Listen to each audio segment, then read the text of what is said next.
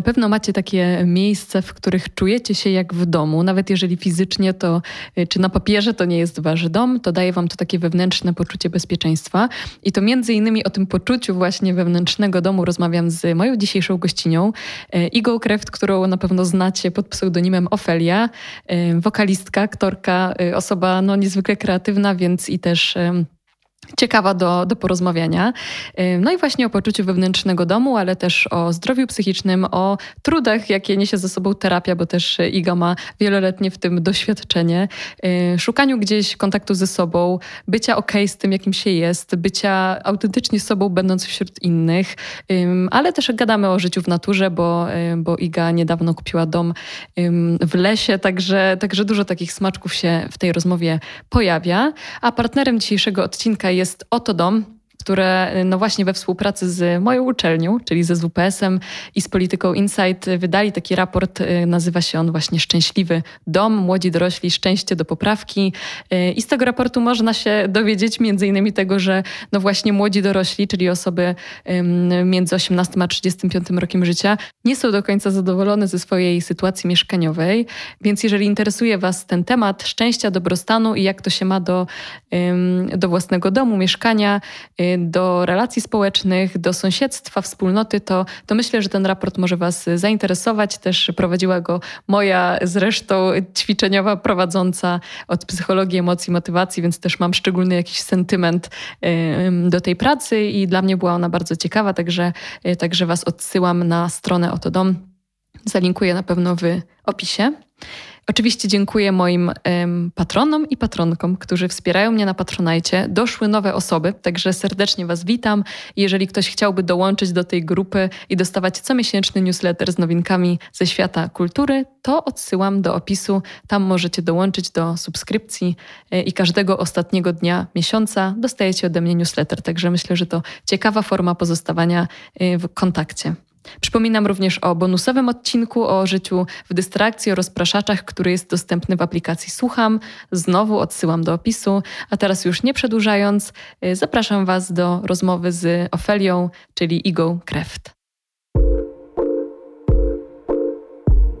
Ofelia Iga Kreft, witam Cię y, tutaj ze mną. Bardzo się cieszę, że, że przyjęłaś zaproszenie. Super Cię widzieć. Y, I, I co? No i na początek to spytam, jak Ty się w ogóle masz? Y, jak Ci jest dzisiaj? Bo też nie ukrywam, że no takie niestandardowe okoliczności, bo nie jest to promocja płyty. Płyta była rok temu, więc jestem bardzo ciekawa, gdzie Ty jesteś dzisiaj, jak Ty się w ogóle dzisiaj masz, no i z czym tutaj dzisiaj jesteś? E, no ja jestem akurat świeżo po terapii, więc jestem trochę taka e, otumaniona, ale w jakichś takich emocjach różnych. Ale dzisiaj miałam też taką bardzo mocną sesję. E, a w życiu jestem teraz w jakimś takim momencie, w którym podomykałam właśnie tematy związane z poprzednią płytą i już pełną parą wjechały prace nad, nad nowym albumem. Tak mm, nawet z kilkoma producentami już coś tam działam, bo bo czuję, że bardzo chciałabym wejść w taki systematyczny tryb pracy, właśnie po to, żeby mm, skupić tą swoją energię w życiu wokół właśnie tworzenia, nie? Bo mimo wszystko też mm, ja się zajmowałam w sumie przez ostatnie lata trzema dziedzinami, a nawet czterema w zasadzie można powiedzieć, bo prowadzenie domu i życia też jest y, zajmujące i poświęcamy temu mimo wszystko dużo energii. Ale no gdzieś czuję, że im bardziej kumuluję tą swoją energię wokół muzyki, tym to jest dla mnie e, lepsze, karmiące, dużo bardziej się w tym spełniam, więc w tym momencie zdecydowanie gdzieś tam to wszystko skupiam wokół tego, bo Powiem, że to przynosi mi najwięcej szczęścia. Hmm. Powiedziałaś o prowadzeniu domu, bo z tego, co, co e, się dowiedziałam, no to też zakupiłaś dom pod, pod Warszawą. Um, więc jestem bardzo ciekawa, jak się też odnalazłaś w, w takich okolicznościach, bo, y, bo też jest, mieszkasz też w Warszawie, więc jestem ciekawa, jak, jak ty odczuwasz też e, no, z jednej strony mieszkanie w dużym mieście, a z drugiej strony uciekanie gdzieś do, do takiej swojej podmiejskiej oazy. Czy, czy, to jest, czy to jakoś wpłynęło w ogóle też na, na ciebie teraz, na twój dobrostan, na to też jak tworzysz, czy co się zmieniło, odkąd też się pojawiła taka oaza spokoju w twoim życiu? No ja zdecydowanie miałam bardziej, mam tak, że bardziej się muszę odnajdować w mieście niż mm. tam. Tam się nie muszę odnajdować, bo jakby dla mnie chyba to jest takie naturalne środowisko i ja jestem z takiego domu, w którym właśnie y, z domów, który jest na wsi, ale moja mama i tata mimo wszystko dużo życia prowadzili tak y, miejsko, że jakby dużo uciekali do tego miasta, uciekaliśmy, a z kolei ja, mimo że gdzieś tam jako dziecko potrzebowałam no, tej dopaminy miejskiej, to jest jakaś taka duża część mnie, która dużo bardziej, lepiej, zdrowiej funkcjonuje właśnie w miejscu, gdzie jest mniejsza ilość bodźców i gdzie jest bliższy ten kontakt z naturą, więc y, to chyba był taki jakiś dla mnie naturalny powrót do, do korzeni. I też to jest może ciekawe, że w momencie, w którym ja kupiłam ten dom, tę działkę, to dużo bardzo chwilę później się rzeczy zaczęło zmieniać w moim życiu. Hmm. Co na przykład? Wydaje mi się, no na przykład rozstałam się, hmm. y, bardzo długi związek zakończyłam, e, y, zaczęłam pracować z nowymi ludźmi, e, zaczęłam nagle chwilę później robić w moim życiu takie rzeczy, które zawsze chciałam robić. Więc wydaje mi się, że właśnie ten gdzieś tam powrót do tego stymulanta y, leśno-natural, naturowego mm. mnie popchnął właśnie w taką stronę spełniania siebie w jakimś sensie. Więc, więc ja trochę mam tak, że y, uciekam do tej oazy. Na przykład dzisiaj niedobrze się czuję, mm. więc totalnie po prostu jadę tam za, jak tylko będę mogła, jak skończę pracę, to po prostu uciekam mm. tam i jakieś mam coś takiego, że jak tam ląduję, to to tak zwalniam, że tak. Mm. Mam takich też ludzi, kiedyś właśnie się śmiałam z moim przyjacielem, że mówię y, do niego, jak ja tak jestem, że to tak ląduję. Tak. I mam właśnie to samo tam z, z moją działką, że jak ja tam jestem, to, to ląduję. Ale to w takim razie mają tam wstęp inni ludzie, czy to jest właśnie taka oaza tylko dla ciebie? Mają moi bliscy. Okay. Oni wiedzą, to też jest bardzo dla mnie ciekawe, że oni e, zawsze są zaskoczeni i chyba się wstydzą o to pytać, a ja już teraz sama zaczęłam po prostu mówić, jak ja wyjeżdżam, albo ja jestem, albo cokolwiek, jakby mówicie mi, ja wam daję klucz i jedziecie tam. Ja jak wyjeżdżam i dostaję telefon albo zdjęcia właśnie od przyjaciół moich, którzy tam są i albo widzę na Instagramie, że tam są, to, to mnie tak po prostu rozczula i tak się cieszę z tego, że to nie jest tylko radość dla mnie, ale że też moi bliscy, nie? że nie muszą sobie tam szukać gdzieś jakichś domków e, na Airbnb czy tam coś, czy jakichkolwiek innych tam, wiesz, formach szukania jakichś noclegów, tylko po prostu e, biorą ode mnie klucze, jadą sobie tam i, i wiedzą, że no ja taką jestem osobą, że co jest moje, to też jakby jest moich bliskich i e, jeżeli ja kogoś wpuszczam do tego miejsca, to, to po prostu ja się czuję bezpiecznie z tymi ludźmi, więc, e, więc wiem, że oni o to zadbają też jak swoje, nie? Więc to jest takie, takie otwarte miejsce dla, dla tych moich bliskich. No na pewno jakbym nie czuła, że, że chcę kogoś tam zapraszać, to bym po prostu tego nie, nie sugerowała, nie? Mhm. Ale jak jeździsz tam sama, to zdarza ci się wtedy też zapraszać bliskich? Czy to jest raczej miejsce tylko dla ciebie, jak ciebie nie ma, to wpuszczasz tam bliskich? Nie, jeżdżę tam, jeżdżę tam z, z przyjaciółmi. Okay. Jeżdżę tam sama, ale jeżdżę też tam z przyjaciółmi i w każdej konfiguracji jest, mhm. to, jest to super, nie? Że, że gdzieś tam to jest taka, taka moja świątynia. Dostawałam też propozycje różnych tam programów, że chcieli tam pojechać i zrobić materiał o tym i tak dalej. To odmawiam mm. tego, bo to jest, może to nie jest dobre, ale to jest trochę moje takie święte, że jakby ja to wiem, że pokazuję na Instagramie i, i dzielę się, ale mam nad tym dużo kontrolę i to może jest okropne, co powiem, ale czułabym, że to jest jakaś profanacja, jakbym wpuściła tam jakieś inne Ekipę media. Tak, nie, nie czuję no, kompletnie no, tego w tym momencie. O ile w mieszkaniu, które wynajmuję w Warszawie, nie miałabym raczej z tym problemu i wielokrotnie y, jakby tam jakieś materiały były tworzone i tak dalej, to tam jest to takie bardzo intymne moje miejsce, więc nie, nie, nie czułabym się, że to, że chcę tam wpuszczać y, kamery. Super, że w ogóle masz takie miejsce, ale też zastanawiam się, co sprawia, że to miejsce jest takie dla ciebie magiczne. Czy myślisz, że to jest kwestia no właśnie tego kontaktu z naturą? Czy jest coś takiego, bo mówi się dużo o takim wewnętrznym poczuciu domu, że są miejsca, w których ty po prostu czujesz, że jesteś w domu, nawet jeżeli to nie jest na papierze twój dom. I zastanawiam się, co czyni to miejsce dla ciebie takim miejscem, w którym ty się czujesz jak w domu? Czy to jest właśnie kwestia tego, że nie wiem, masz tam zaufanych sąsiadów i czujesz się bezpiecznie? Czy to jest kwestia tego, że po prostu możesz sobie boso, boso chodzić y, po trawie? Czy to jest kwestia tego, jak urządziłaś ten dom, że on po prostu jest jakoś spójny z twoją estetyką? Jestem, jestem ciekawa, co tobie daje takie poczucie to ja myślę, że to jest nic z zewnętrznych rzeczy, tylko to hmm. jest to, jaką relację sobie z tym miejscem zbudowałam. Czyli to, że właśnie w tych trudnych chwilach to ta przestrzeń była takim moim, przez te ostatnie półtora roku, bo dopiero półtora roku mam ten domek, e, że to jest takie, że po pierwsze nie ma żadnej sytuacji możliwej, w której, nie wiem, ktoś mi każe się stamtąd wyprowadzić, czy e, będę zmuszona no nie wiem, nie wymienię tego na coś innego, bo to jest już za dużo zobowiązań jest wokół tego, nie? Więc jakby to jest tak przypieczętowane, że to jest coś mojego totalnie. E, ale nie wiem, teraz właśnie też yy, półtora miesiąca temu kupiłam kampera i szczerze mówiąc nigdy nie sądziłam, że też będę się czuła tak bardzo w domu, po prostu w samochodzie i że to też jest wspaniałe, że tak naprawdę to też nie chodzi o rozmiar czy czy cokolwiek, tylko właśnie o to, jaką relację z tą przestrzenią, nie? Ta przestrzeń samochodowa wiadomo, że się dużo różni od domowej, mm. ale mm, no po prostu to, w jakich sytuacjach w życiu spotykamy się z tą przestrzenią i w jakimś sensie ona chłonie te nasze doświadczenia, razem z nami je przeżywa i no, tak jakoś otula i to, to, mam, to mam tam w tym domku, że jak mam Miałam w tym roku kilka takich sytuacji bardzo trudnych i ciężkich i za każdym razem jak tam jechałam, to mimo, że jako y, niezależna kobieta zmagałam się z tym, że ogrzewanie na przykład mi się wyłączyło i musiałam czekać aż się nagrzeje, a było minus 15 stopni, albo zakopałam się samochodem i nie mogłam wyjechać, to mimo wszystko miałam takie poczucie, że razem przeżywamy z tym mm. moim domem te, te sytuacje i że... Mm, no trochę jak, to może to jest dziwne, ale trochę jak relacja z drugim człowiekiem, taki, taki dom. Tylko to jest taki mój po prostu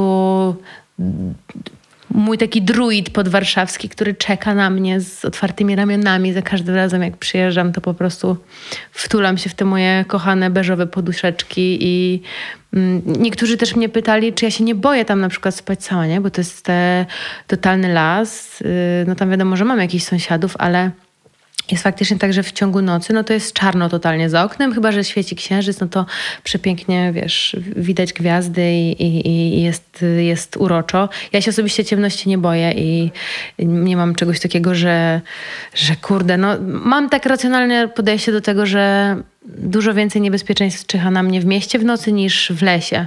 W lesie mogą przyjść do mnie dziki, sarny, króliki i tak dalej, coś zające. Więc jakby nie ma się czego bać. Dużo jest to bardziej przyjazny environment niż taki miejski dla mnie. Zresztą w sumie, jak się okazuje, generalnie dużo bardziej przyjazny jest dla mnie ten leśny, blisko natury klimat niż, niż niestety miasto. Mm. Ale masz takie poczucie y, sprawczości, że ogólnie potrafisz sobie poradzić z rzeczami, które tam na ciebie czyhają, bo miałam ostatnio taką rozmowę z kimś, kto właśnie się wyprowadził y, gdzieś na wieś i, i byłam tak zachwycona tym domkiem. Mówię, Jezu, jest pięknie i właśnie możesz sobie wychodzić na boso i pić tę kawę i właśnie moja kumpela mówi, że słuchaj, jakby to wszystko wygląda, wygląda ekstra, ale też bierz pod uwagę, że dom to jest bardzo dużo pracy. Że jest. jednak trzeba ogarniać i trzeba Kasy umieć sobie pracę. poradzić. Kasy i pracy i ja na szczęście mam super przyjaciół, też kolegów, którzy mi pomagają po prostu, bo e, no, było kilka właśnie takich sytuacji w tym roku, że e, no, żeby potrzeb, potrzebna była po prostu pomoc e, osób trzecich. Jeszcze właśnie jak kupowałam ten, ten dom, to miałam partnera, który mi gdzieś tam pomagał w tym, ale to się zmieniło zmieniło i trochę zostałam no sama z tym i to też było dla mnie trudne. Też w takim kontekście w ogóle mm, tego, że jestem młodą kobietą i jest to dosyć nietypowe, że mając 28 lat sama mam dom na wsi i czasami mam takie momenty, że się czuję przytłoczona właśnie, wiesz, że trzeba zrobić trawnik, trzeba zrobić ogrodzenie. Już pomijając fakt tego takich fizycznych robót, to ja nie mam w ogóle żadnej umiejętności, nie wiem, dogadywania się z tymi fachowcami. Oni zresztą jak widzą taką dziewczynkę, blondyneczkę jak ja, no to no niezbyt traktują mnie poważnie, więc też na, tak naprawdę można zrobić mnie trochę w konia w różnych kwestiach. No i wtedy są właśnie moi koledzy, którzy na przykład y, zdarza się, że udają na przykład mojego męża czy coś, że o tak, tak, żona dzwoniła tutaj załatwić coś i zresztą ostatnio też miałam z przyjacielem właśnie taką sytuację e, z samochodem z kolei, że powiedziałam, Jezu, mógłbyś to załatwić, bo ten mechanik po prostu niepoważnie mnie traktuje, jak z nim rozmawiam. No i jakby bez problemu samochód ogarnięty w trzy dni, wiesz, w ogóle luz, więc, e, więc gdzieś tam też mnie to uczy takiego korzystania z pomocy innych, bo wcześniej byłam taka sfrustrowana, jak świeżo mm, sama zaczęłam ogarniać ten dom sfrustrowana, że jestem sama z tym i zdarzało mi się jechać tam na przykład właśnie i siedzieć w tym zamrożonym domu y, zimnym i płakać po prostu, bo czułam się taka bezsilna wobec tego i że, że nie ma nikogo obok mnie, kto bo to nawet nie chodzi tak fizycznie, ale żeby mnie wsparł w tym yy, i się nauczyłam właśnie sięgać po, po, po prostu po pomoc dzięki temu. Yy, moich przyjaciół. No i właśnie oni też trochę zaczęli współtworzyć to, to miejsce ze mną. Oczywiście ja mam final cut na wszystko, ale też mam coś takiego, że jak na przykład coś tam zrobię nowego właśnie i, i zadbam o coś, to, to zaraz wysyłam wszystkim zdjęcia albo musicie przyjechać, zobaczyć jak zmieniłam, teraz jest inaczej. I generalnie mam taką korbę w, w, głowie właśnie wszystkich jeszcze rzeczy, które yy, dopinam. Teraz jestem strasznie dumna, ponieważ w tym tygodniu przyjeżdża tam zmywarka ponieważ ja odkąd kupiłam ten dom, to miałam taką fiksację, że ja tam muszę mieć lodówkę i zmywarkę, bo tam była taka malutka lodóweczka. Więc yy, cieszę się, że po półtora roku dopięłam tego, że jest już lodówka i zaraz będzie zmywarka, co też dużo komfortu myślę, myślę zmieni. Ale super, że też, e, bo jestem, też chciałam cię o to zapytać, jak ty masz relację z, z samotnością i w ogóle z byciem solo, bo myślę sobie, że nie wiem, czy kojarzysz taką psychoterapeutkę Esther Perel, ale ona właśnie dużo mówi o tym, że w dzisiejszych czasach się kładzie tak dużą presję na partnerze romantycznym, żeby był wszystkim dla nas, że zapomina się o tym, że mamy też dostęp do całej tak zwanej wioski, czyli do naszych naszych przyjaciół, czyli do naszych mentorów, że są też inni ludzie w naszym życiu, którzy mogą nam te potrzeby spełniać, które normalnie lokujemy zawsze w partnerze romantycznym. I teraz, jak nagle on znika, no to właśnie super jest, jeżeli dostrzeżesz, że to jest tylko jedna relacja, która zniknęła, ale ciebie otacza mnóstwo, mnóstwo ludzi. Oczywiście. Ja też bym bardzo, jestem daleka od e, takiego bagatelizowania e, i takiego umniejszania właśnie tym relacjom romantycznym, bo też ostatnio miałam właśnie myśl na ten temat, że e, Marta Niedźwiecka powiedziała coś takiego, że, no, że, przes- że jakby przesadzamy z y, takim mm, kładzeniem właśnie nacisku na, na tę miłość romantyczną, że ona wcale nie jest jakby taka ważna, w sensie jest ważna, ale nie, jakby, że ona nie spełnia tych wszystkich funkcji, że my potrzebujemy czegoś więcej. O, oczywiście zgadzam się z tym, ale też jakby nie chciałabym też wyjść na osobę, która powie, że nie, w ogóle to nie jest potrzebne. Jest totalnie i nikt też inny nie spełni tych potrzeb, które daje partner e, romantyczny i tak dalej. To poczucie takiej jakby ekskluzywności, czy jakiejś takiej mm, priorytetowego podejścia do siebie wzajemnie, no nikt tego inny ci nie da. Dostajemy to od rodziców, jak jesteśmy dziećmi, więc jakby w pewien sposób dalej tego potrzebujemy i szukamy. Natomiast ja mam tak, że ja jestem bardzo dobrze y, zaprzyjaźniona z moją samotnością i y, bardzo ją lubię. I ją często wybieram celowo sama, bo podróżuję dużo sama po świecie i nie mam z tym absolutnie problemu. Też od dziecka bardzo dużo spędzam czasu sama w pociągach, nie pociągach, jak jeździłam właśnie na plany do Warszawy i tak dalej. Więc y, jest to dla mnie jakiś taki mm, dosyć komfortowy y, stan, aczkolwiek dużo lepiej się czuję ze swoją samotnością właśnie w lesie, w naturze, niż w mieście. W mieście... Mm, w mieście czuję się przytłoczona, ale to już jak powiedziałam ci kilka razy, generalnie w mieście czuję się przytłoczona. Także yy, ta, ta, ta, samotność yy, nie, jest taka, nie jest taka zła i jest yy, potrzebna, myślę. Jesteś z nią dogadana, rozumiem. Bardzo, bardzo się w niej dobrze czuję i mam czasami tak, że na przykład jak jestem długo bez jakiegoś takiego solowego wyjazdu, to wyjadę i nagle po jednym dniu mam takie, wiesz, taki high trochę, że sobie siedzę i mam takie Jezus, ale ja lubię moją głowę. Jezus, ale super, ale super z nią jest, jakby ekstra się z nią czuję, nie? Okay. Więc to jest, to jest super, polecam to. Ale zawsze tak miałeś, że lubisz swoją głowę? Czy miałaś takie momenty, że właśnie zostawanie ze swoją głową wręcz przeciwnie było tak przytłaczające, że, że nie chciało się być za długo y, z, ze swoimi myślami? Jak mam coś takiego, że jak jestem z innymi, to mam problem z byciem ze sobą. Jak jestem sama, sama, to nie mam kompletnie. Widzę nawet jakieś trudne rzeczy, które się we mnie dzieją i umiem się tym zająć. Problem mi się jakoś tak, ale to jest chyba do przerobienia na terapii. Do końca tego nie rozumiem. Problem się pojawia właśnie, jak są obok mnie inni, nie? że jakby wtedy gdzieś tam um, ciężko mi jest się tak um, wokół tego, co się we mnie dzieje, um, odnaleźć potrafisz być sobą, będąc wśród innych, bo ostatnio właśnie y, robiłam taki odcinek, w którym y, badałam gdzieś ten temat, co to znaczy w ogóle być jakby autentycznie sobą w świecie i że właściwie trudno jest mieć bliskość z drugim człowiekiem, jak się nie pozwala sobie być tak totalnie sobą i być totalnie przyjętym za to, jaka ty jesteś i jeszcze, jeszcze fakt, że ktoś inny to w tobie docenia, że ty masz jakieś swoje różne krzywizny, przyzwyczajenia i to jest super w tobie. Y, to jestem ciekawa, czy masz takie relacje, że potrafisz być tak totalnie sobą? Tak, ja w ogóle ogóle miałam.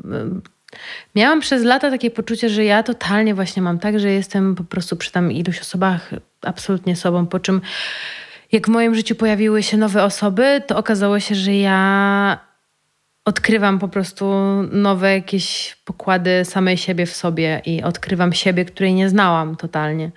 Mm, to się wszystko też ładnie zgrywa w czasie właśnie z, też z tym skupnym domu i z zaczęciem robienia rzeczy, które, które zawsze chciałam. E, więc dla mnie to jest trochę taki priorytet, że jeżeli ja się nie czuję, że jeżeli ja nie czuję, że mogę być sobą e, przy kimś, to raczej to nie będzie bliska mi osoba. I raczej nie mam takich relacji. Mam moi przyjaciele bliscy to są osoby przy których właśnie totalnie, przy których totalnie mogę być sobą i kompletnie nie czuję się oceniona, a jak się poczuję oceniona, to powiem, wiesz co, serio. I gdzieś tam się to wszystko wyjaśnia dosyć, dosyć szybko. Myślę, że po latach gdzieś wkładania też mnie w jakieś takie ramki, które nie do końca były moje, nie mam czasu już na to, żeby sobie pozwolić na takie szkoda mi jest energii, czasu i przede wszystkim to w ogóle mnie nie karmi w żaden sposób. Nie? To w ogóle nie jest odżywcze dla mnie, więc. Mm, ale myślę, że, że większość z moich bliskich powiedziałoby ci to samo, że. Mm, no, wydaje mi się, że jestem taką po prostu prawdziwą osobą i mm, wiadomo, że nie wszystkich dopuszczam do, do pewnych jakichś rzeczy, ale to jest cudowne uczucie, mi się wydaje, od jakby właśnie to lądowanie przy tych bliskich osobach jakby, że okej, okay, z tymi moimi słabościami, mm, z pewnymi rzeczami się oswajamy po jakimś czasie i możemy sobie pozwolić z tymi, z tymi ludźmi właśnie gdzieś tam na swoje to vulnerability, e, ale no to jest, to jest też poczucie domu, mi się wydaje właśnie, no, kiedy masz tak z innymi. Ja myślę też o takich osobach, przy których y, można być w każdym stanie. To znaczy, że nie musisz idąc na przykład na spotkanie z tą osobą się ogarnąć, tylko możesz przyjść i na przykład powiedzieć, że teraz czujesz się na maksa, rozedrgana, potrzebujesz popłakać i że to nie jest w żaden sposób tematem, tylko po prostu to takie jest, że ty jesteś dzisiaj w takim stanie i masz tak bliską relację z tą osobą, że ona nie potrzebuje, żebyś ty się na to spotkanie jakoś ogarnęła dla no, niej. tak, to jest, to jest, to jest, to wspaniałe. No, to jest gdzieś tam to chyba po tym można właśnie takie bliskie relacje rozpoznać, że, że w każdym stanie ktoś jest dla ciebie i cię przyjmuje. To jest. Właśnie zastanawiam się, jak, są, jak to jest możliwe, że są ludzie, którzy na przykład tego nie doświadczyli albo tego nie doświadczają. Oni teraz są strasznie duży fan, ale myślę, że też te osoby tak naprawdę z sobą samymi nie są trochę też pewnie prawdziwi tak na co dzień. No ja myślę też, że dużo osób się boi, bo masz dużo do stracenia. Jak się odsłonisz przed kimś na tyle, żeby być sobą, to też ta osoba może cię odrzucić, na przykład zrezygnować z relacji z tobą. I to może być tak przerażające, że niektórzy się mogą zabezpieczać i w ogóle nie wchodzić w takie relacje. No to już jest, no tak, to jest już pewnie kwestia gdzieś tam jakichś traum i, i doświadczeń, które, które ludzie mają, ale...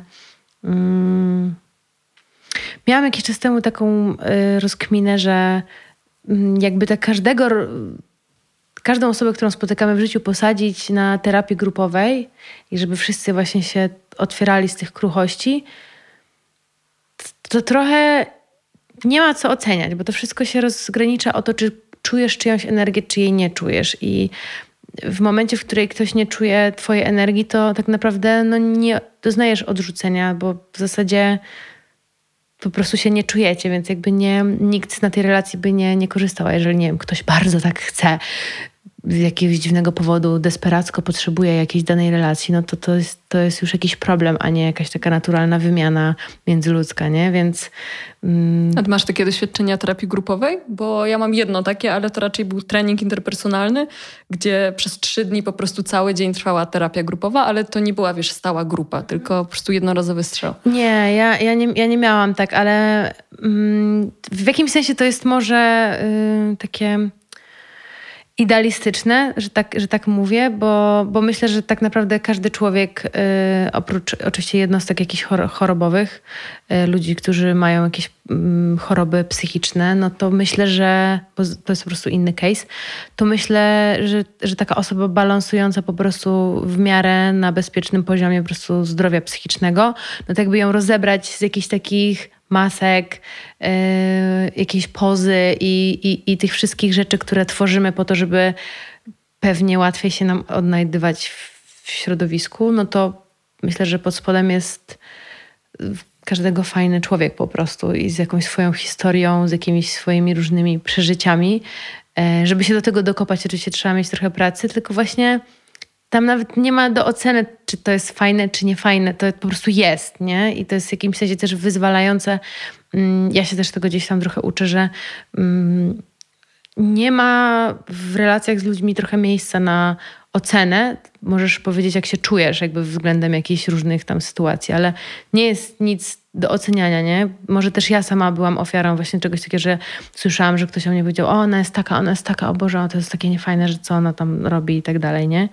Ale to nie podlega żadnej ocenie. Jeżeli ktoś jest taki, to możesz po prostu nie czuć jego, jej energii i it's that's okay, that's okay, bo to po prostu jest, jest jego, nie? I Ale to, jest... mówiły osoby, które cię znały, czy po prostu, tak. bo to tak. też jest inna kwestia, jak ktoś cię zna, Nie, ktoś... to, to, to były gdzieś ocena, z którą się spotykałam ludzi, których znałam. Wiadomo, wtedy mnie to totalnie bolało, ale też ja sama oceniałam. To też jest jakby istotne, że ja potrafiłam też oceniać i może nawet nie nazywając tego wprost, y, nie, w sensie nie wyrażając tego wprost i nie wiem, nie rozmawiając z ludźmi na ten temat, ale w głowie i mnie to męczyło bardzo, że w jakimś sensie to zabierało moją uwagę, a to at the end of the day to nie ma żadnego znaczenia i dużo fajniej się żyje bez takiego, bez takiej potrzeby oceniania, a już plotkowanie to jest po prostu czysta dopamina, więc jakby można sobie ją totalnie łatwy sposób dostarczyć inaczej, jeżeli ktoś ma taką potrzebę. Mm, no i nie ma co po prostu na to, na to tracić swój, swój fokus, a tak naprawdę jak się jak nie oceniasz, to łatwiej po prostu jest poznawać super ludzi i dużo fajniejsze wchodzisz, jeżeli spotkasz drugą osobę, która ma takie podejście jak ty, no to możesz po prostu zbudować super fajną, bliską relację z, z drugim człowiekiem i to jest chyba takie jedyne dobre, jedyny dobry grunt y, do tego, żeby właśnie Mm, te relacje budować, nie? Otwierać się w takiej spontaniczności i przyjęciu po prostu drugiej osoby. Tak, no ja, ja miałam teraz w wakacje właśnie takie doświadczenie, że złapałam się na tym, że moja głowa chciała już kogoś zaklasyfikować jakoś, bo to pierwsze wrażenie, które sprawił, sprawiła było takie, że już, y, wiesz, to było jakoś znajome, już chciałam ocenić tę osobę, ale stwierdziłam nie. Daję sobie czas, żeby poobserwować, co ta osoba przede mną odkryje sobą. I okazywało się, że po prostu moje, moje pierwsze wrażenie było tak bardzo mylne, że nie mogło być bardziej. Że po mhm. prostu ta osoba miała w sobie tyle piękna, że ta, ten pierwszy strzał był po prostu jakiegoś rodzaju pozorem, maską, ale pod spodem było strasznie dużo dobrych rzeczy. No właśnie i ja trochę właśnie dlatego mówię o tym, że mam taką idealistyczną wizję, że tak jest z każdym, że jak się go podsłania z tych rzeczy i on będzie też ten człowiek gotowy, żeby to pokazać, to się pod spodem okazuje, że wszyscy jesteśmy i tak samo krusi, mhm. i tak samo piękni, i z bardzo podobnymi tak naprawdę potrzebami, z pewnie często podobnymi historiami i wszyscy możemy w tym jakąś bliską, bliskość odnaleźć i się tym pozachwycać wzajemnie. A też jest prawda taka, że to, co nas zachwyca w innych, to, to są też często rzeczy, które my mamy w sobie i je znamy przez to, że mamy je w sobie, więc to też jest takie fajne, że ja mam takich niektórych przyjaciół, że zachwycam się jakimiś rzeczami w nich, a później sobie myślę, Jezus, w sumie ja Podobnie mam i to jest takie wspaniałe, bo dzięki temu uczysz się też trochę siebie bardziej kochać, nie? To jest, to jest w ogóle zajebiste, że kochając innych ludzi i będąc blisko z innymi ludźmi też możesz budować właśnie tą, tą bliskość z, ze sobą. Wow. Słychać, że po terapii. No, ja, ja, znaczy ja w ogóle mocno żyję takimi, y, takimi kwestiami. Mm, i też staram się dużo właśnie rozwijać siebie właśnie pod takim kontekstem, bo mm, bo tak lepiej się tak żyje, w sensie lepiej tym żyć niż jakimiś dramami, jakimiś plotkami i jakimiś takimi rzeczami troszeczkę bardziej powierzchni, powierzchniowymi, więc y, no, to też jest duża część po prostu mnie i też szczególnie właśnie w tym momencie mojego życia, której dużo poświęcam e, energii i, i po prostu pracy nad, nad sobą, bo chcę się znajdować w życiu właśnie w takich miejscach, w których jestem, jest mi dobrze i bezpiecznie. Nie? Mm, a jaką masz teraz relację ze sobą? Bo nie wiem, jak ona ewoluowała, ale czy teraz masz takie poczucie takiej solidnej po prostu sztamy ze sobą, czy, czy jeszcze to nie jest ten moment? Jak ty to oceniasz? Myślę, że, że mam, ale ja się dopiero poznałam z nią, ze sobą, w sensie dopiero to jest takie cześć, okej, okay, teraz wiem, że muszę się tobą zająć i mimo, że jestem od lat już bardzo wielu w terapii, to dopiero po takim czasie gdzieś czuję, że że zaczynam kumać w ogóle o co chodzi i że dopiero właśnie zaczynam tak naprawdę poznawać siebie, mając 28 lat. Co jest trochę smutne, bo pomyślałam sobie, ile czasu zmarnowałam trochę na nieznaniu do końca siebie. Więc kiedyś, jak będę mieć dzieci, ja bardzo chciałabym mieć dzieci, to będę robić wszystko, żeby im gdzieś tam stworzyć takie właśnie warunki, w których będą e, mogły mm, właśnie poznawać siebie i budować tą relację z samymi sobą w taki fajny sposób. Że, żeby nie, nie wiem, nie przechodzili, będą mieli, miały swoje lekcje, swoje jakieś potknięcia i doświadczenia, ale mm,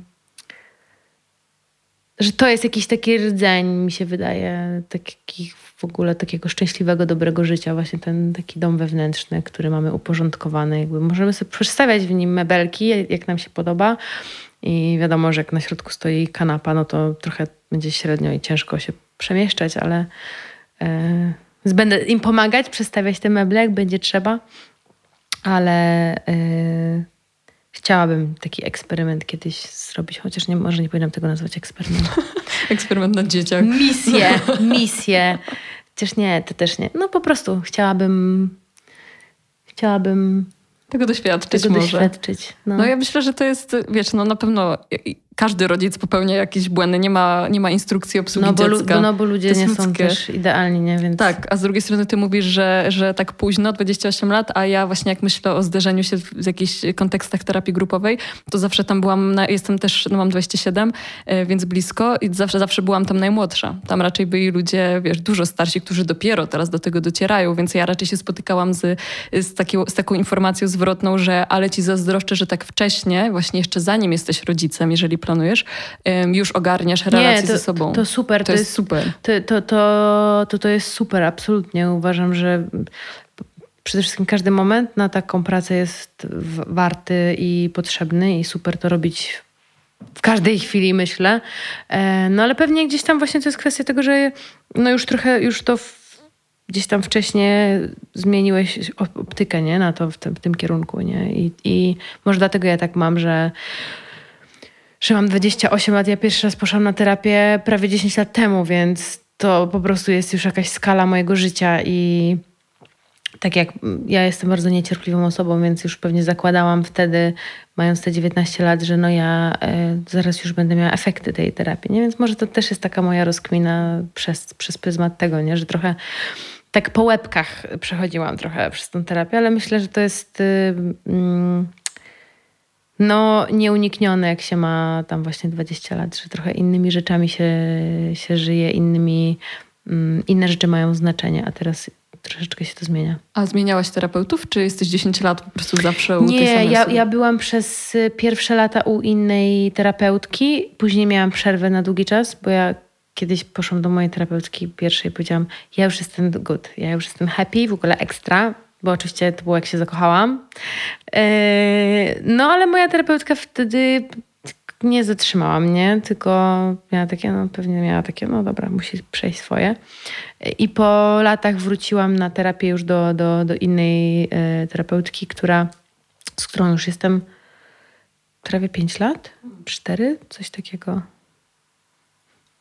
Więc zmieniałam. Nie jakoś drastycznie, ale, ale miałam różne próby. Ale miałam też, myślę, szczęście duże do tych, y, do tych terapeutów. Czyli a miałaś jakieś takie kryzysy, że po prostu w pewnym momencie miałaś poczucie, że to w ogóle nie działa? Że to terapia w ogóle nie tak, przynosi efektów? Tak. Bo z kim nie gadam, to mam wrażenie, że to jest jakieś uniwersalne doświadczenie, że w pewnym momencie po prostu już się wpieniasz, bo chciałabyś już Bo ludzie trochę nie rozumieją, na czym polega terapia. Tak, I mi się tak. wydaje, że y, ja mam znajomych, którzy... Y, trochę traktują terapię jak wzięcie leku przeciwbólowego, że to jest takie doraźne i to ma działać, jak nie działa, to, no to, to nie jest potrzebne. A ja akurat mam tak z terapią, że mm, mi terapia zmieniła właśnie cały system kontaktowania się z samą sobą, że to mi determinuje bardzo w ogóle mój rytm życia i to, że to, że ja na przykład w różnych sytuacjach nie działam instynktownie, tylko zastanawiam się nad tym właśnie nawet, co czuję, do czego mnie to przenosi, co się w, w tym momencie we mnie dzieje, no to by się nie odbywało, gdyby nie to, że ja jestem w,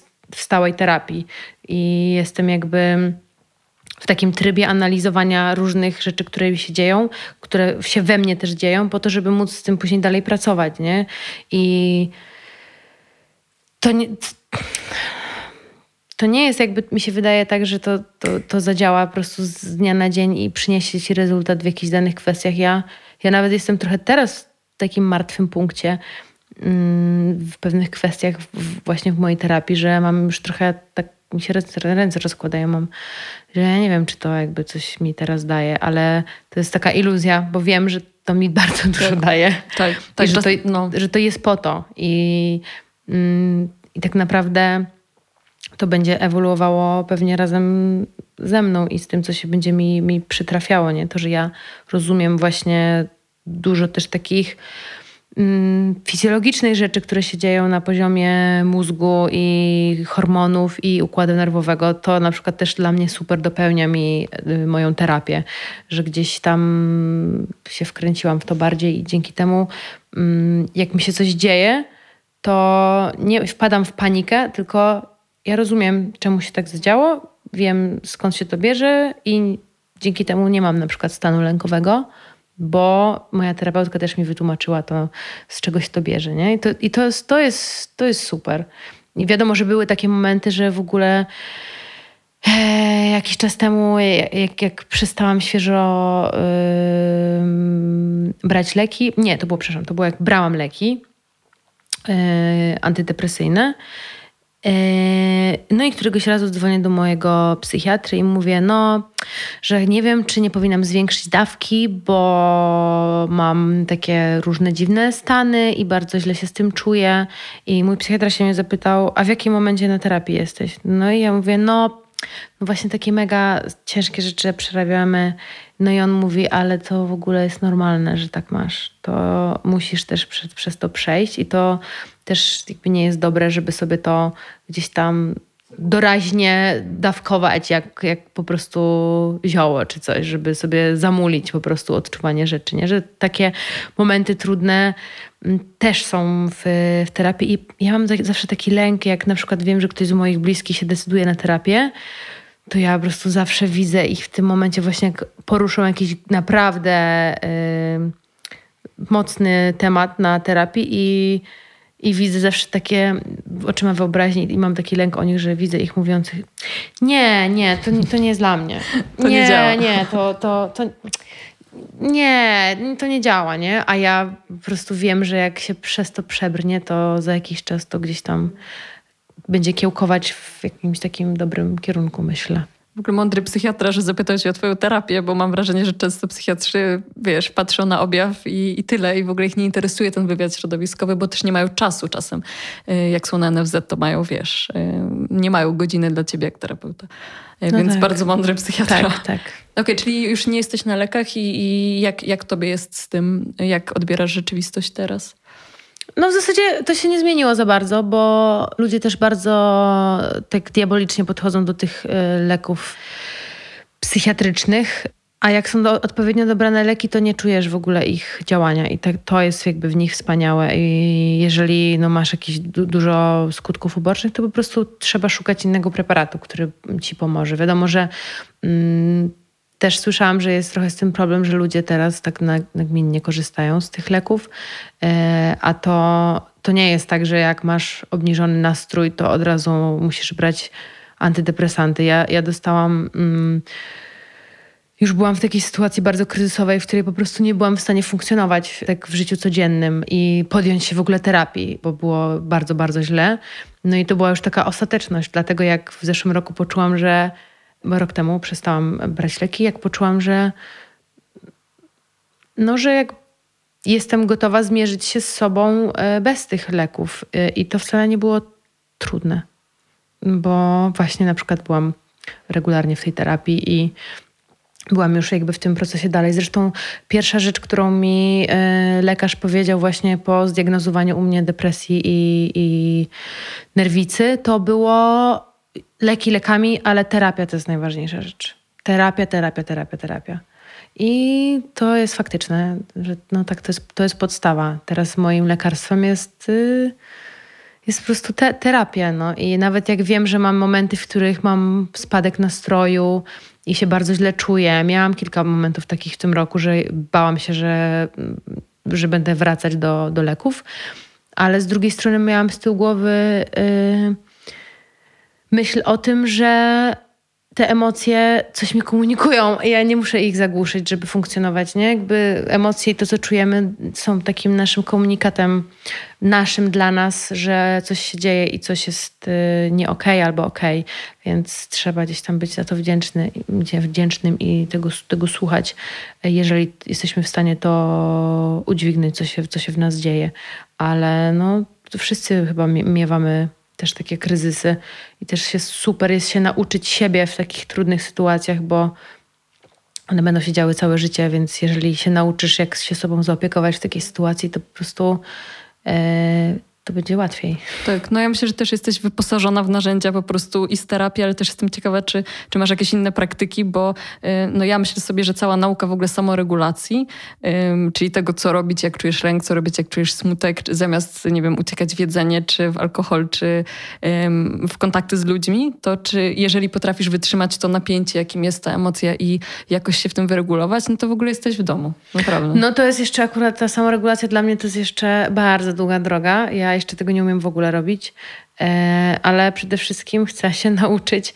Gdzieś tam to odkrywam i na przykład sport jest, e, i nie mówię o kompulsji absolutnie, bo jestem daleka od tego, sport jest takim czymś, co mi pomaga się bardzo regulować, właśnie natura jest, jest czymś takim, e, chociaż bywają takie momenty, że mm, no też po prostu układ nerwowy mi włącza tryb spania automatycznie i kiedyś miałam tak, że się frustrowałam takie Jezu, jestem taka senna, już nie mogę, wypiję tą dziesiątą kawę, a teraz zamiast tak zrobić, to mam takie okej, okay, czy ja po prostu spać. muszę iść spać, bo już mój układ nerwowy jest przegrzany tak, tak. i ewidentnie on prosi, proszę, potrzebuję regeneracji i to, to, to też jest takie no, no fajne, jak się tego nauczysz, nie? Ale też no my jesteśmy w takim, mimo wszystko, już trochę tym zachodnim pędzie yy, gdzieś liczy jakość, performance i, i wydajność, wydajność, wydajność. Yy, ja bardzo od tego uciekam i yy, myślę, że też w mojej pracy jest to bardzo niewskazane, żeby tylko się na tym fokusować i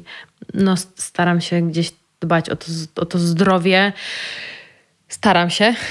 Yy, po to właśnie, żeby po prostu móc tworzyć fajne rzeczy i być yy, szczęśliwa i odczuwać satysfakcję z przeżywania różnych rzeczy dookoła mnie. I, i finalnie nie powodować, żeby ciało chorowało, nie? bo ciało choruje przez głowę. Zresztą w ogóle mm, poznałam bardzo ciekawego człowieka w tym roku. Yy, neurochirurga, który, wyobraź sobie, po latach robienia specjalizacji yy, rzucił to i teraz jest terapeutą. I tak, i to jest w ogóle dla mnie mega fascynujące i wspaniałe, że, mm, no, że da, way to do it, nie? Że okej, okay, możesz leczyć jakby głowy, operować, co jest mega imponujące i wspaniała praca, bardzo odpowiedzialna, ale mega są potrzebni tacy lekarze i to jest po prostu dla mnie magia, że, że ktoś coś takiego jest w stanie zrobić, ale z drugiej strony te fizyczne rzeczy, które się z nami dzieją, często są po prostu rezultatem tych rzeczy, które się dzieją gdzie indziej po prostu. Nie? Hmm, ciekawa postać w ogóle. W sensie Bardzo. jakby wiedza anatomiczna też myślę, że musi nieźle wpływać na praktykę psychoterapeutyczną. No, no, no myślę, że tak. I tak właśnie to usłyszałam o nim, jakby myślałam, że ta osoba, która mi o nim opowiadała, że to trochę zmyśliła. Bo dla mnie to brzmiało już tak trochę jak, wiesz, jak bohater z jakiegoś filmu. Po czym jak poznałam faktycznie tę osobę i po powiedział, że, no, że tak, taka jest jego historia, to miałam takie Jezu, myślałam, że to nie jest prawdziwe, no ale, ale jest. No. Hmm. Okej, okay. powiedziałaś coś e, o poczuciu satysfakcji, to cię jeszcze złapię za, za to słówko i zapytam o to, jak, jak się ma to poczucie satysfakcji do twojej twórczości i do tego, czy ty potrafisz rzeczywiście być usatysfakcjonowana, zadowolona z tego, co tworzysz i czy teraz jesteś w takim czasie, gdzie tworzysz i, i jest ci dobrze z tym, co z ciebie wychodzi, co cię inspiruje dookoła, czy, czy może niekoniecznie, może masz jeszcze przerwę? To się też łączy z tym wszystkim, o czym rozmawiamy, z, z procesem też terapeutycznym i tak dalej, bo, bo ja kiedyś byłam taka, że byłam wiecznie nieusatysfakcjonowana, wiecznie czułam, że jakby to nie osiągnęłam jeszcze tego, co chciałam osiągnąć, a wszystko się zmieniło w momencie, w którym przestało chodzić o cel pod postacią, że chcę, żeby to brzmiało jak to, czy tamto, czy siamto, a zaczęło bardziej chodzić też o cały proces twórczy, o spotkanie z innymi twórcami i takie otwarcie się na to, co, co ze mnie wyjdzie, a nie co ja bym chciała, żeby to było. Nie? Dopiero w momencie, w którym ja yy, tak się schyliłam ku samej sobie i bez oceniania też tego po prostu to jakoś z siebie wypuszczam i, i zabieram się za pracę, mm, no to po prostu dużo fa fajniej się to robi, dużo, dużo więcej właśnie tej satysfakcji z tego jest, ale takiej satysfakcji nie na zasadzie, o, ale jestem super, tylko takiej, mm, to jestem ja. Że to jest po prostu część mnie właśnie, która... I, miałam dosłownie y, wczoraj rozmowę na ten temat, że kiedyś przeczytałam recenzję y, tam mojego poprzedniego albumu, bardzo zresztą miłą i taką schlebiającą mi, ale przeczytając, skończyłam ją czytać i miałam taką myśl, że that's not okay, że ktoś to w ogóle ocenia. Jakby wiem, że tak, tak się robi, ale że to w ogóle nie jest o tym. To nie jest o. To, to jest jakaś moja historia i to są tak bardzo osobiste rzeczy, że to, to nie ma miejsca, żeby ktoś powiedział, o, to, że ktoś się tak potraktował, wtedy to mega słabo, jakby słabo to, słabo to przedstawiasz, jakby to nie jest o przedstawianiu tego, tylko to jestem, to jestem ja, nie?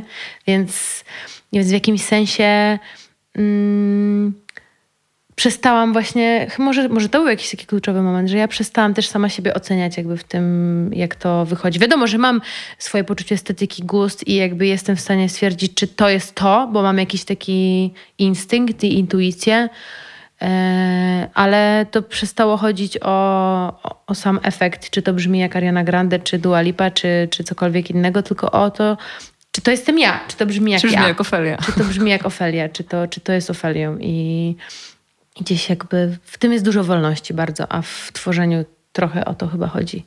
Hmm.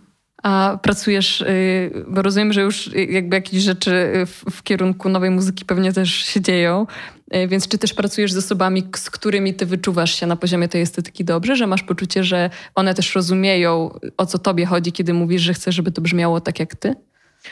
Tak, ja, ja pracuję z super ludźmi, gdzie właśnie też zawsze ich uczulam bardzo na to, że ja jestem za tym, żeby szukać tego razem, żeby to e, eksplorować gdzieś i, i eksperymentować z tym, żeby szukać tego, właśnie tej jakiejś takiej mojej jakości w tym i no, nawet niedawno mm, miałam taką sytuację, że napisałam piosenkę, zaczęliśmy z producentem pracować nad nią w studio i to poszło w taką inną stronę.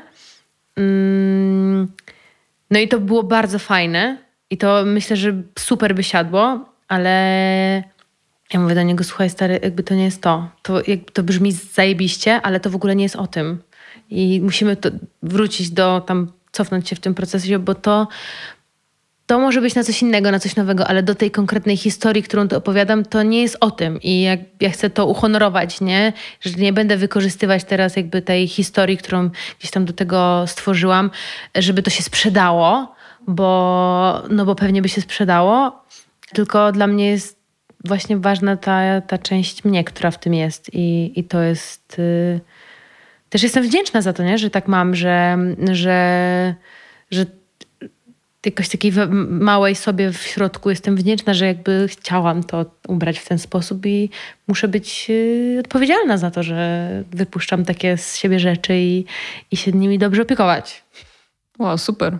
Super. No, bo też y, dzięki temu mam wrażenie, że zachowujesz gdzieś też takie poczucie może wpływu na to, co, co potem chodzi dalej, ale też nie, nie stajesz się po prostu, y, wiesz, miksem tego wszystkiego, co ciebie otacza, tylko zachowujesz gdzieś swoją niezależność w tym. No to na tym mi zawsze bardzo zależało, żeby właśnie być y, też taka real w tych, tych artystycznych, muzycznych rzeczach, że żeby to było, mm, że, ja, że ja widzę w tym siebie i, i Pewnie też dlatego, że tacy artyści mi się podobają. Oczywiście kocham też zabawę konwencją, ale jeżeli ktoś y, ma na tyle odwagę, no to myślę, że nawet w takiej konwencji można dać też dużo siebie i swojej prawdy, nie? Tak jak ja na poprzedniej płycie, trochę ona też była o tym, że miałam ileś tych wersji siebie, ale każda gdzieś tam miała ten mój osobisty rdzeń, który im wszystkim to, towarzyszył, więc y, tu się czułam jakby fair z tym, że, że to miało być o, o gdzieś zbliżaniu się też do, do samej siebie i też sama chciałam w sobie, sobie po, poklepać po plecach się, że to, że raz chcę ubrać coś różowego, a innym razem założyć luźne spodnie i y, chodzić szerokim krokiem, to jest okej. Okay. To jestem ja i tak, nie muszę się ograniczać tylko w jakieś konkretne ramy, które sobie wymyśliłam na swój temat, tylko właśnie też wracamy do tego, żeby być sobą po prostu, nie? Piękna klamra zamykająca. Iga, bardzo Ci dziękuję za, za Twój czas, za rozmowę. Ja, ja Ci życzę powodzenia. Dzięki e, bardzo. Ze wszystkim, co będziesz teraz e, robić i tego poczucia i wolności do tego, żeby to było Twoje i też odwagi do tego, żeby to wypuszczać dalej i, e, no, i, i dobrego bycia w Twoim domku, w którym czujesz się. Dzięki jako bardzo. siebie. Dzięki. Dziękuję. Na dzisiaj to już wszystko. Bardzo Wam dziękuję za przesłuchanie naszej rozmowy do końca. Koniecznie dajcie znać, co o niej sądzicie. Na Spotify macie taką już możliwość, żeby, żeby podzielić się wrażeniami, ale też jestem na Instagramie sznurowadła.myśli bez polskich znaków. Tam też z Wami rozmawiam, gadam i publikuję różne uzupełniające treści. Raz jeszcze bardzo dziękuję Marce Oto Dom, która wsparła ten odcinek swoim patronatem i dla wszystkich zainteresowanych tematem szczęścia, tematem wewnętrznego poczucia domu, czy y, dobrostanu, to odsyłam koniecznie do, do projektu badawczego Szczęśliwy Dom, w którym możecie znaleźć bardzo dużo merytorycznych, y, związanych gdzieś z psychologią treści. Y, myślę, że to naprawdę źródło ciekawych informacji, także odsyłam, zapraszam i y, no i co, my się już słyszymy w kolejnym odcinku, także do usłyszenia.